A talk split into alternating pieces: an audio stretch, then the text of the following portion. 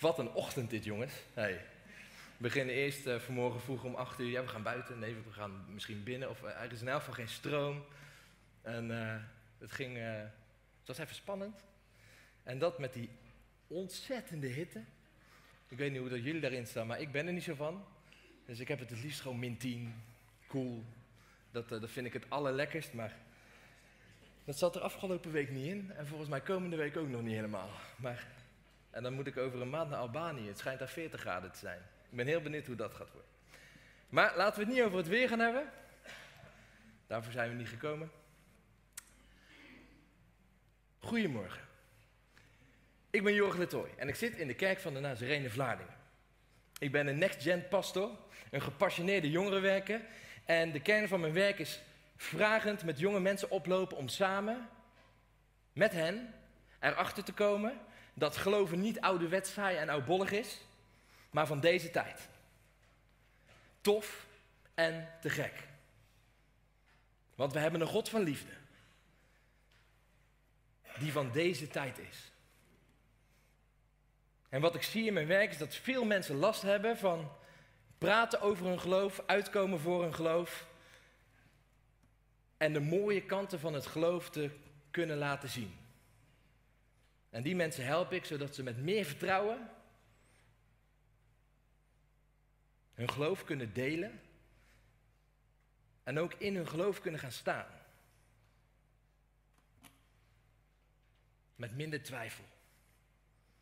En daar hebben we experience tieneravonden voor, explore tijdens de diensten, Jovo-avonden, één op één gesprekken en elk jaar een te gek zomerkamp. En dit zorgt voor een stuk vriendschap, zelfvertrouwen, zelfkennis, maar ook een groei in relatie met Jezus en zijn werk in deze tijd. En hoe gaaf zou het zijn als iedereen, jong en oud, zo in het geloof zou kunnen gaan staan. Zo ben ik mijn preek nog nooit eerder begonnen. Misschien vraag je je af, gast, waarom stel je jezelf voor? We weten toch wie je bent. Nou, daar kom ik later op terug dan vallen de puzzelstukjes op zijn plek. Een tijdje geleden was ik onderweg naar opwekking. En ik was aan het nadenken over deze morgen. Toen trouwens nog niet kunnen voorspellen dat het er zo uit zou zien. Maar ik was vooral bezig met wat de tekst zou gaan worden waar ik het over zou gaan hebben. En eigenlijk was ik er na mijn laatste keer al direct mee bezig van waar gaan we naartoe? En ik wist het niet tot ik hem zag. Die Belg. Die Belg? Ja, die Belg. Een Belg op de A15 met, met een bijzonder kenteken. Act 744. Ik denk, ah, handelingen 744. Ik vroeg me af of het bestond. Of handelingen 7 wel minimaal 44 versen had. En ik kwam erachter dat hoofdstuk 6 maar 15 versen had. Hoofdstuk 8 40, maar hoofdstuk 7 60. Dus toen de auto stilstond, ben ik toch maar eens gaan kijken wat er nou precies stond en ik las dit. Bij onze vader in de woestijn was de tent van de getuigenis. Zoals hij, die tot Mozes sprak, hem had opgedragen deze te maken, overeenkomstig de afbeelding die hij gezien had. Wat moest ik hier nou mee? Was het wel handelingen wat ik aan het lezen was, of zat ik per ongeluk in Exodus of zo? Tijd om eens wat verder te lezen dan alleen dit ene vers. Wat lezen we eigenlijk? En ik kwam er snel achter dat het de woorden van Stefanus zijn die we laten. Het is zijn verdedigingsspeech. Nu weet je misschien niet wie Stefanus is.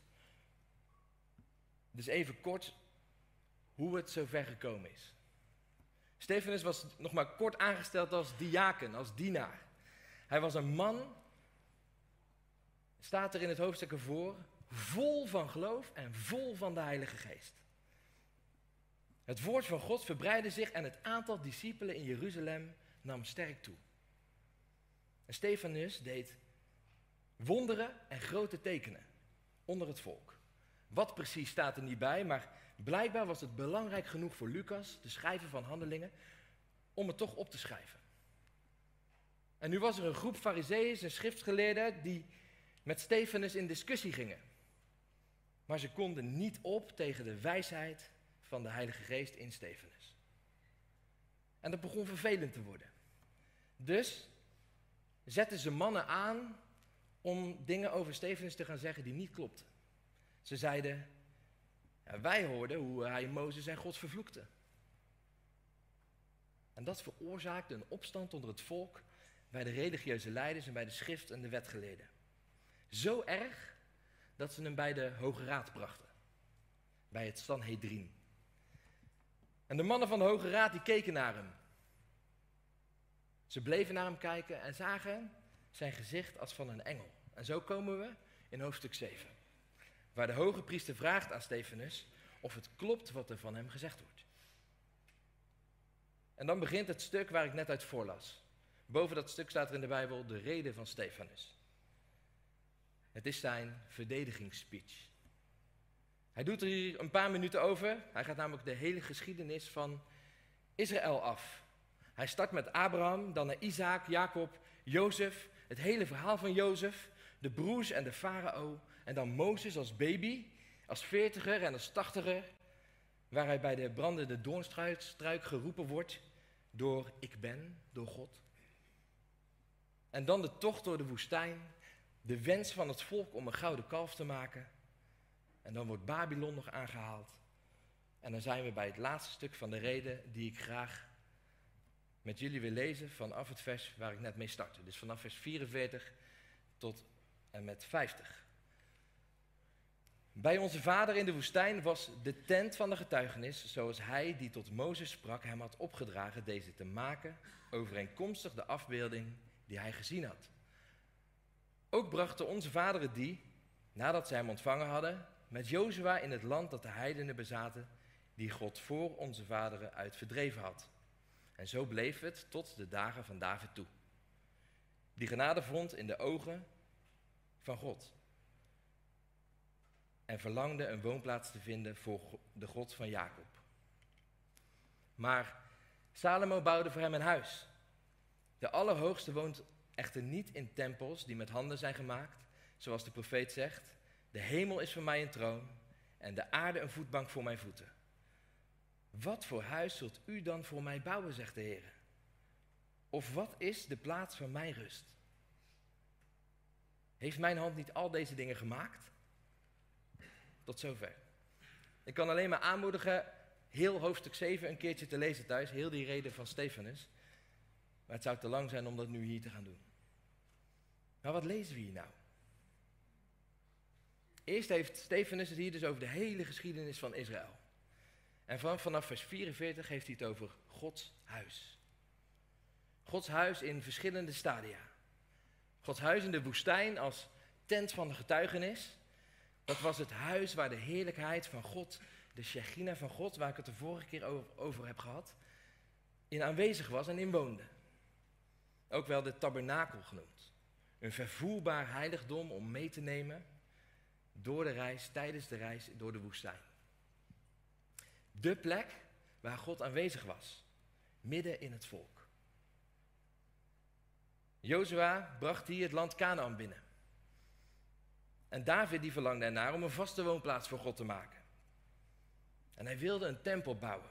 Maar uiteindelijk bouwde Salomo die tempel voor God. En tot zover was het allemaal geschiedenis. Hiervan was nog niet heel veel wat aanstootgevend was in de oren van de schriftgeleerden en de fariseeërs. En vanaf nu is het moment dat Stefanus dingen gaat zeggen waarvan hij ook wel weet dat zijn luisteraars het niet heel fijn gaan vinden. Hij had natuurlijk ook iets anders kunnen zeggen om zichzelf te redden. Nou, dit was wel een beetje het kantelpunt voor het Sanhedrin. God, die de Allerhoogste, de Allerhoogste, woont niet in tempels die gemaakt zijn met handen. Zoals Jezaja al zegt in Jezaja 66, vers 1 en 2. Zo zegt de Heer, de hemel is mijn troon en de aarde de voetbank van mijn voeten. Waar zou dan het huis zijn dat u voor mij zou willen bouwen? En waar de plaats van mijn rust? Want mijn hand heeft al die dingen gemaakt. En daardoor bestaan al die dingen, spreekt de Heer. Was het hiervoor niet Pinksteren geweest? God woonde eerst in een tent tussen het volk, de tabernakel, de tent van de getuigenis. En God woonde daarna in een gebouw tussen het volk, de tempel. En nu, sinds Jezus weer in de hemel zit, de Heilige Geest in zijn plaats op aarde gekomen is, woont God in jou. In jouw hart. Jij bent heel persoonlijk, ieder voor zich, een tent van de getuigenis. Door God zelf gemaakt. Zijn liefde zit in jou. Jezus woont in jou. Jouw hart is zijn huis. En daardoor is God niet meer gebonden aan één heilige plaats. Net zoals we hier bij elkaar zitten, geloof ik dat we op een heilige plaats zijn, maar alleen, alleen omdat we bezig zijn als heilige mensen met heilige dingen voor een heilige God. Dat maakt dat deze plaats nu heilig is. Maar als je heel nuchter kijkt, is het gewoon een gebouw. Wat vanmorgen nog niet eens werkte.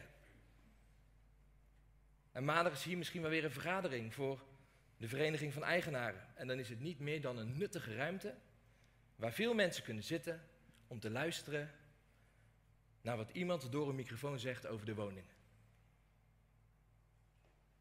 Het is het doel dat de middelen heiligt. Zoals Dennis ooit al aangaf tijdens het avondmaal volgens mij, die matses is niet per se heilig. Dat zijn gewoon matses. Maar omdat het gebruikt wordt voor en door heilige mensen, voor een heilig doel, maakt het die matses heilig. Het doel heiligt de middelen. En ze zijn er dus vandaag een heleboel mensen hier in de zaal die heilig zijn. Waar Jezus inwoont met zijn geest. Waardoor zijn liefde zo makkelijk veel meer verspreid kan worden dan vroeger in de tijd van die ene tempel. Waar iedereen naartoe moest om een stukje te proeven van Gods heiligheid. En zo zijn wij dus allemaal stuk voor stuk de tent van de getuigenis. Jouw hart is een tent van de getuigenis. Om te getuigen van Jezus en zijn liefde voor jou. En terwijl Stefanus wist dat dit wel eens zijn einde kon betekenen, vond hij dit zo ontzettend belangrijk om te delen, dat we daar blijkbaar iets mee mogen doen. Daar mogen we ons echt bewust van zijn. En dat bewustzijn mogen we delen met de mensen om ons heen. Maar hoe doen we dat dan? Ik weet niet waar Stefanus van het ene op het andere moment in deze toespraak, zeg maar deze toespraak, deze pitch vandaan haalde. Maar het was precies het goede moment. Met de juiste kennis, de juiste woorden. Ik denk wel te weten waar hij het vandaan haalde, trouwens. Want zoals Handelingen al twee keer duidelijk zegt, was hij vol van geloof en vol van de Heilige Geest. Hij deed het gewoon op het moment dat het erop aankwam. Wat een voorbeeld en wat een getuigenis. Laatst hadden we hier ook een getuigenisdienst, toch? Dat weet ik nog, want dat we toen met Simfra opgedragen. Dat kan ik natuurlijk niet vergeten. Een getuigenis, iets, iets dat je niet voorbereid op papier. Dat was het. Niet voorbereid op papier. Iets wat geen onderzoek nodig heeft, geen preek.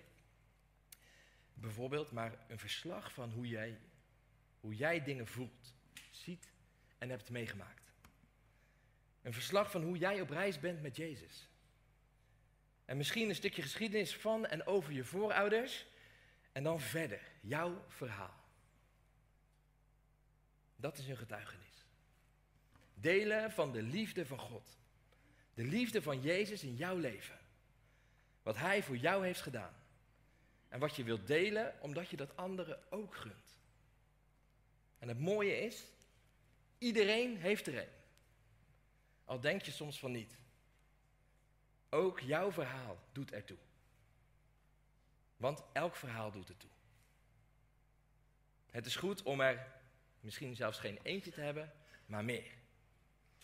Als wij een tent van de getuigenis mogen zijn, Als ons hart de plek is waar God woont, dan zou het misschien wel een gemiste kans zijn om niet een getuigenis paraat te hebben.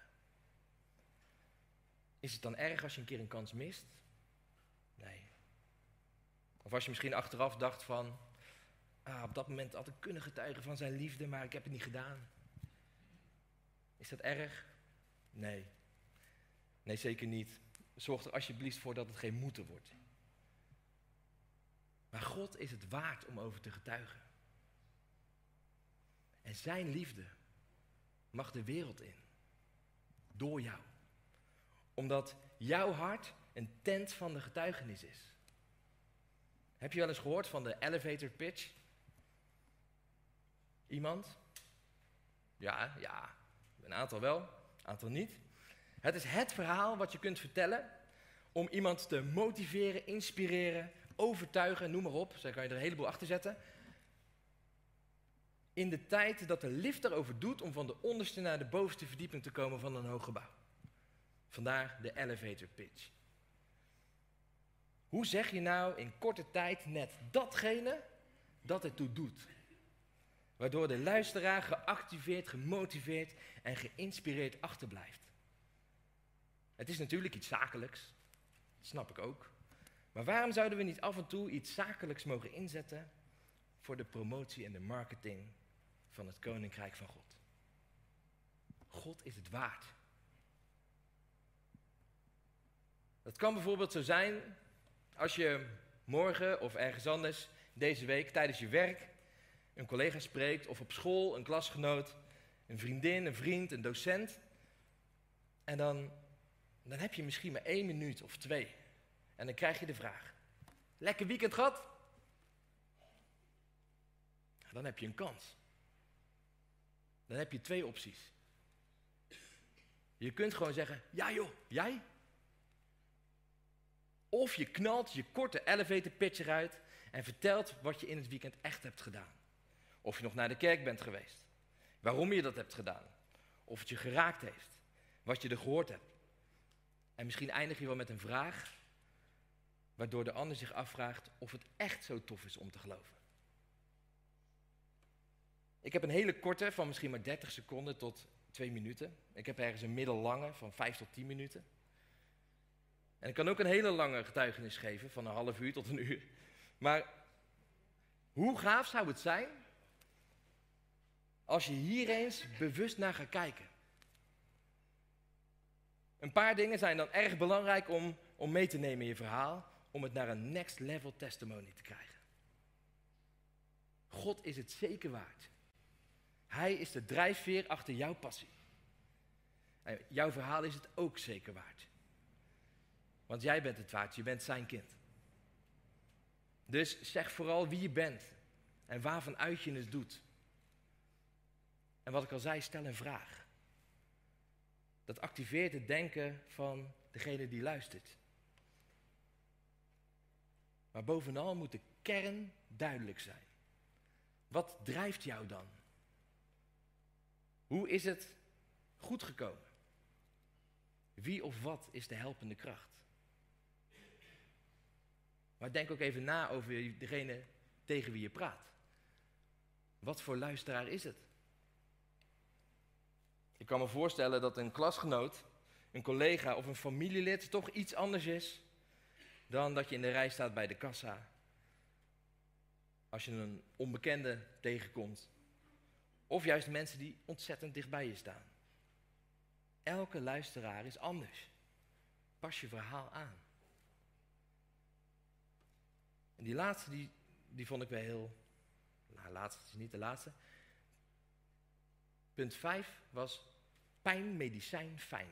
Dat vond ik wel een, uh, die kon ik er nou voor goed onthouden. Pijn, medicijn, fijn. Vaak zijn het deze drie dingen die ervoor zorgen dat het een verhaal wordt waarin mensen zich herkennen. Zich kunnen inleven in, in wat je hebt meegemaakt. En hoe het medicijn heeft gewerkt in jouw situatie. En hoe fijn het is dat je dat ervaren hebt na de hand. Zoals ik net begon. Ik begon met één. Ik ben Jorg Letoy. Wat ik deed en waarvan, waar vandaan ik dit doe. Ik Ik zit in de kerk van de Nazarene Vlaardingen. En daar werk ik ook als Next Gen pastor. Ik ben een gepassioneerde jongerenwerker en, kwam punt drie, de kern van mijn werk is vragend met jonge mensen oplopen om samen met hen erachter te komen dat geloven niet ouderwets, saai en oudbollig is, maar van deze tijd. Tof en te gek. Want we hebben een God van liefde die van deze tijd is. En wie zijn dan in dit voorbeeld mijn doelgroep? Jonge mensen van 12 tot 40, anders ben ik oud. Dus van 12 tot 40. De generatie van nu. Dus niet de next gen, maar de generatie van nu. En toen kwam ik bij de pijn, want wat ik zie in mijn werk is dat veel mensen last hebben van praten over hun geloof. Uitkomen voor hun geloof. En de mooie kanten van hun geloof niet kunnen zien. En die jonge mensen, die help ik, gelukkig met een heel team, want alleen zou me dat niet lukken, help ik, zodat, ik ze, zodat ze meer vertrouwen in hun geloof hebben. Zodat ze kunnen delen. En ook in hun geloof kunnen gaan staan. Met minder twijfel. Toen kwamen de medicijnen. Daar hebben we experience-avonden voor. Explore tijdens de diensten. Jovo-avonden, één op één gesprekken. En als klap op de vuurpijl het kamp, het zomerkamp.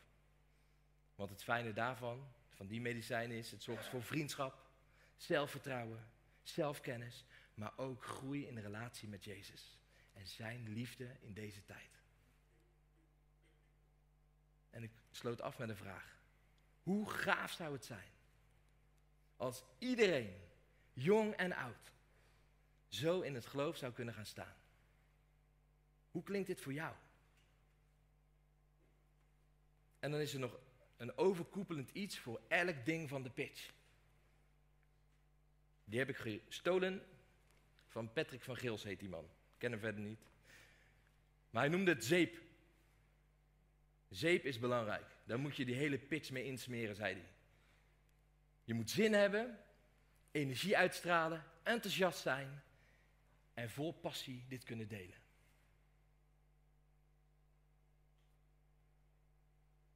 Stefanus deed er iets langer over dan twee minuten.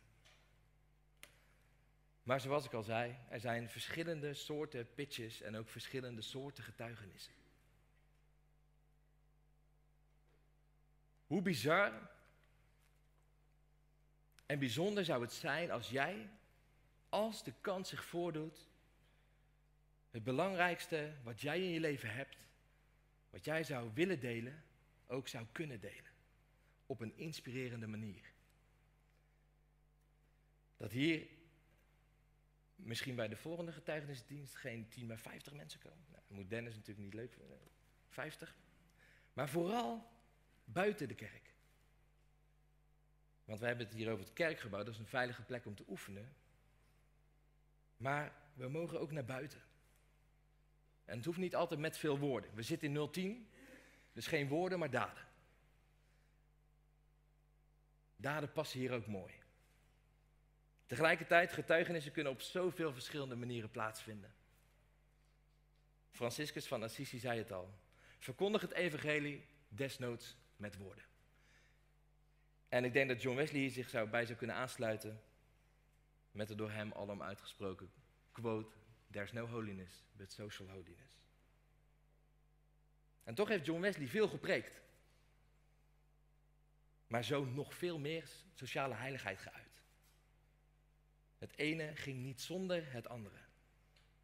Het is beide een zaak van het hart en laat nou net in jouw hart de Heilige Geest wonen.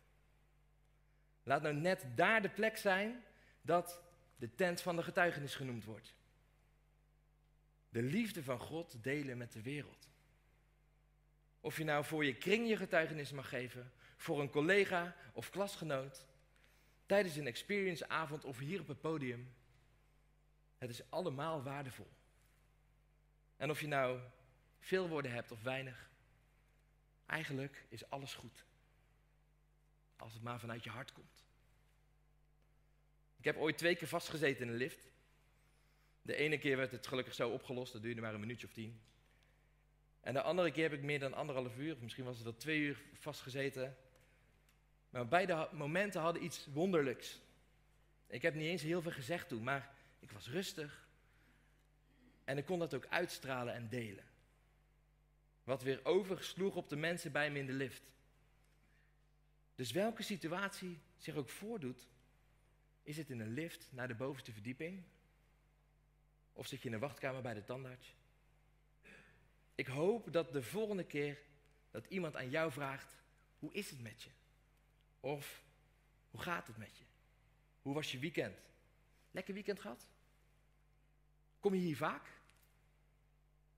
Dat je een kans hebt om iets vanuit je hart te laten zien. Want spreken vanuit je hart kan een mooie getuigenis zijn als je hart vol is van Jezus. Nou kwam Stefanus niet weg met zijn verdedigingsspeech. En hij wordt de eerste martelaar genoemd. Hij werd gestenigd waar hij alleen maar oog had voor God. En Jezus die naast God stond, vol van de Heilige Geest. Zijn laatste getuigenis waren bijna dezelfde woorden die Jezus ook sprak toen hij aan het kruis hing. Alleen hij richtte zich tot Jezus zelf. Hij zei, Heere Jezus, ontvang mijn geest. En terwijl hij op zijn knieën viel, riep hij met luide stem, Heere, reken hun deze zonde niet toe. En toen hij dat gezegd had, stierf hij. Wat een getuigenis van liefde. Wat een woorden vanuit het hart van Stefanus. Stefanus, moet je het wel zeggen. Hij zei niet veel, maar hij zei alles. Het kan niet anders of het moet daar mensen geraakt hebben. Versteld hebben doen staan misschien wel. Maar dat zullen wij nooit weten. En Stefanus zou het sowieso niet geweten hebben. Hij was bij Jezus. Geef je hart aan Jezus. Laat de waarheid van Hem spreken in je hart. Dan wordt je hart vervuld met Zijn Heilige Geest. En Zijn liefde. En dan zullen woorden gaan vloeien op de momenten dat het ertoe doet. En tot die tijd mag je erover nadenken. Mag je oefenen. Mag jij mee aan de slag. Alleen en samen als gemeente. Als thuis verder kring. Als groep mensen die God lief hebben. Jezus willen aanbidden. En die de Heilige Geest willen laten wonen in hun hart. Om zo die gekregen liefde weer te delen met de mensen in de wereld. En zo komen we elke week weer samen hier. Om ermee aan de gang te gaan. Om gemeente te zijn. Een gemeente van kinderen, tieners, jongvolwassenen, volwassenen. Een gemeente voor alle leeftijden. Gods liefde kent geen leeftijdsgrenzen. Samen zijn we het lichaam van Christus. En als lichaam hebben we een hart. En ons hart, van de tent van de getuigenis, zijn vervuld van de Heilige Geest. Amen.